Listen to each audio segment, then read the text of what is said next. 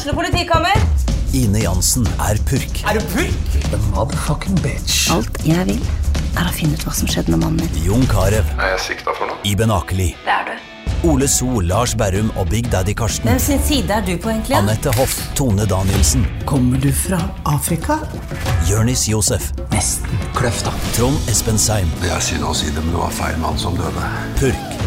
Premiere tirsdag på TV2 Play.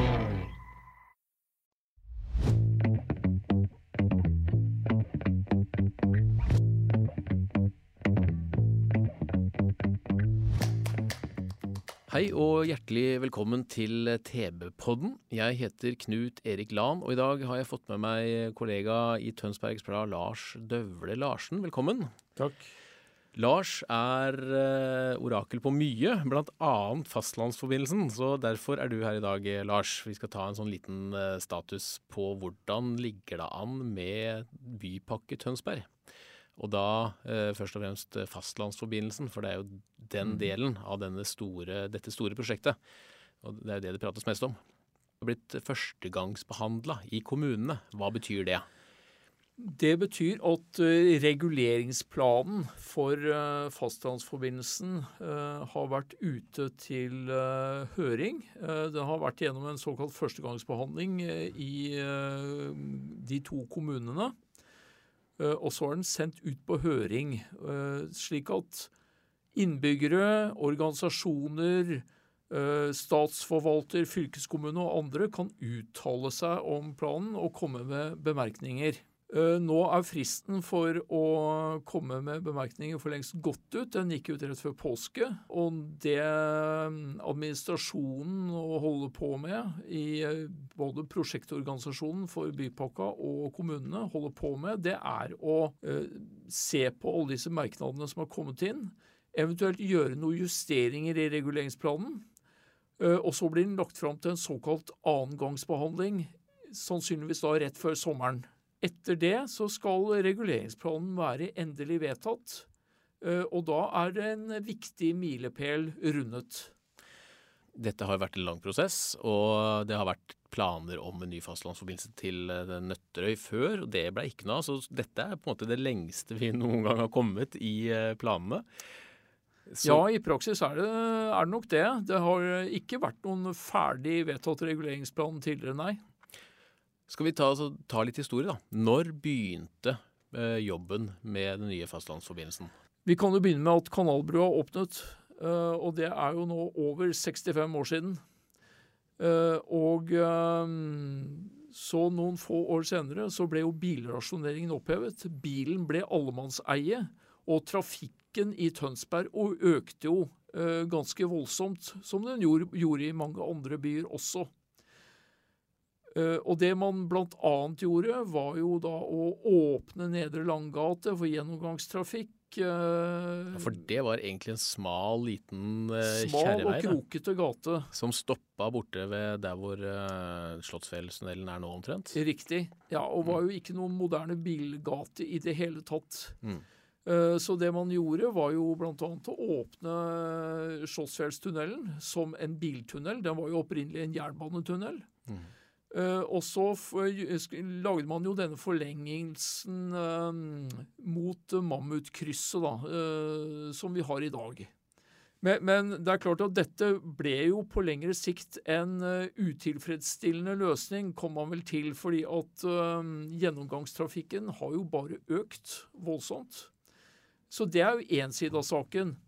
Så har du jo også dette med samfunnssikkerhet. Det mm, er jo etter hvert blitt en veldig sårbar situasjon for øyene. Bare å ha én forbindelse til land. Det er jo ca. 30 000 innbyggere på øyene, i hvert fall hvis du inkluderer Tønsberg-delen av Nøtterøy eh, og Husø. Mm. Eh, og i tillegg veldig mange tusen sommergjester i sesongen. Så dette er for sårbart. Det er jo på en måte de to hovedårsakene til at man har villet bygge en ny fastlandsforbindelse. Det er eh, samfunnssikkerheten og gjennomgangstrafikken i Tønsberg. Allerede på 1960-tallet begynte man jo faktisk å se på dette her. Ja. eh, hvor man lagde et forslag til en slags ringvei eh, utenom fra Søndre Slagen via Huse og Føynland til Nøtterøy og videre til Stokke. Ja. Så ble ikke det noe av.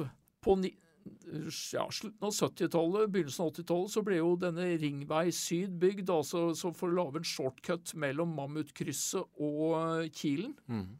Den eh, sto ferdig i 1982. Så mm, skulle det da danne utgangspunktet for et eh, fullverdig ringveisystem. Eh, Men det gikk jo lang tid. eh, Og noe av det som var bøygen, var jo finansiering. Lenge så satt det jo langt inne for politikerne i Tønsberg, og for så vidt også på Nøtterøy, å begynne å gå inn for bomfinansiering. Man ønsket ikke noen bomring. Eh, Så sent som i 1996 var det vel, så var jo daværende Tønsberg-ordfører Hans Christian Hoksnes fullstendig avvisende til å eh, anlegge noen bomring rundt byen. Men så, kort tid etter det, så begynte en politisk snuoperasjon, fordi man skjønte vel at det eh, samferdselspolitiske regimet i Norge var sånn at man ville ikke få noen vei hvis man ikke gikk med på en lokal bomfinansiering. Gradvis så, så ble jo da uh, dette konseptet uh, Bypakke Tønsberg, eller Veipakke Tønsberg som det først het, født. Eh, med da en ny fastlandsforbindelse og en ny ring rundt byen på nordsiden som hovedelementer. Og, og denne Ringvei Nord, som det het, eh, ble jo en realitet en del år senere, etter mye strid. Det er jo eh, tunnelen mellom Kilen og, og Kjelle som vi, som vi har fått. Kom man den gang så langt at man har bestemt hvor brua skulle gå? Ja, sånn delvis. Altså, du kan si um, Det var vel eh, også den gangen på en måte Kalnes-Korten som var eh, i utgangspunktet Vegvesenets foretrukne alternativ. Og da det så ble aktuelt med en folkeavstemning om eh, fastlandsforbindelsen i 2005, eh, så var jo det som ble lagt frem for befolkningen da, det var en forbindelse Kalnes-Korten eh, med en, eh, med en eh, senketunnel. Da ble det nei. Da ble det nei. Hvorfor det? Det ble, det ble jo eh, Tidlig på 2000-tallet så, så ble det jo oppsto oppstod det en ganske kraftig strid eh, rundt dette med bomfinansiering. I første omgang så hadde det ikke vakt noe særlig sterke reaksjoner at politikerne i Tønsberg hadde snudd. Fremskrittspartiet forsøkte å gjøre et uh, valgkamptema av det i 1999. Uh, lyktes ikke noe særlig med det. Eh, Men så i 2000 var det vel, så oppsto det en folkeaksjon mot bomring rundt Tønsberg. Og de begynte å samle inn underskrifter og fikk inn ganske mange. Eh, Så da hadde befolkningen våknet og skjønte hva som foregikk. Eh, Og mange var ganske forbanna, for å si det rett ut. Ja, ja. I valget i 2003 ble jo da mye av et protestvalg, hvor særlig Høyre gikk voldsomt tilbake, både i Tønsberg og på øyene. Eh, Arbeiderpartiet også til dels.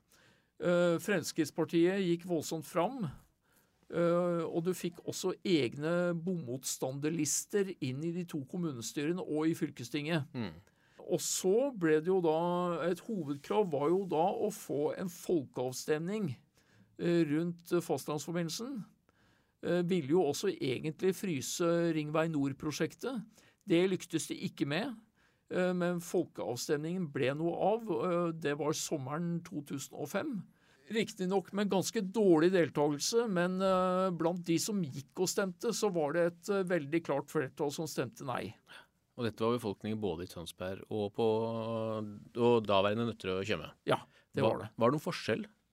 Ta Husk det, farta. Var det noen forskjell på, på innstillinga i de tre kommunene? Nei, ikke vesentlig. Det var et ganske klart flertall mot begge steder. Eh, Men som sagt, eh, deltakelsen var dårlig. Ja. Vi hadde jo en meningsmåling i Tønsbergs Blad ca. en måneds tid i forveien, som faktisk viste flertall for ja-siden. Okay. Men i og med at det først var så dårlig deltakelse, så var det jo først og fremst de som var imot, og som kanskje da var mest engasjert, som gikk og stemte. Ja. Nemlig, nemlig. Og da blei det satt en uh, foreløpig stopp da, for, for planene. Det ble det. Hvordan, eh, hvorfor kom de opp igjen? Det var nok et sterkt ønske om å få til en fastlandsforbindelse. Det, det var jo ikke alle oss som hadde stemt nei, som egentlig var mot selve veiprosjektet, men de var mot bomfinansiering. Eh, og mange mente vel også at uh, her hadde man på en måte villet uh, snike dette prosjektet på plass.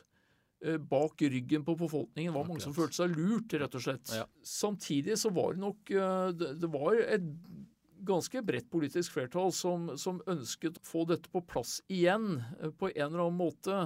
Sånn at i hvert fall etter kommunevalget i 2007, hvor Høyre jo kom tilbake i, i førersetet på Nøtterøy, så, så ble det tatt et initiativ for å få dette på plass igjen.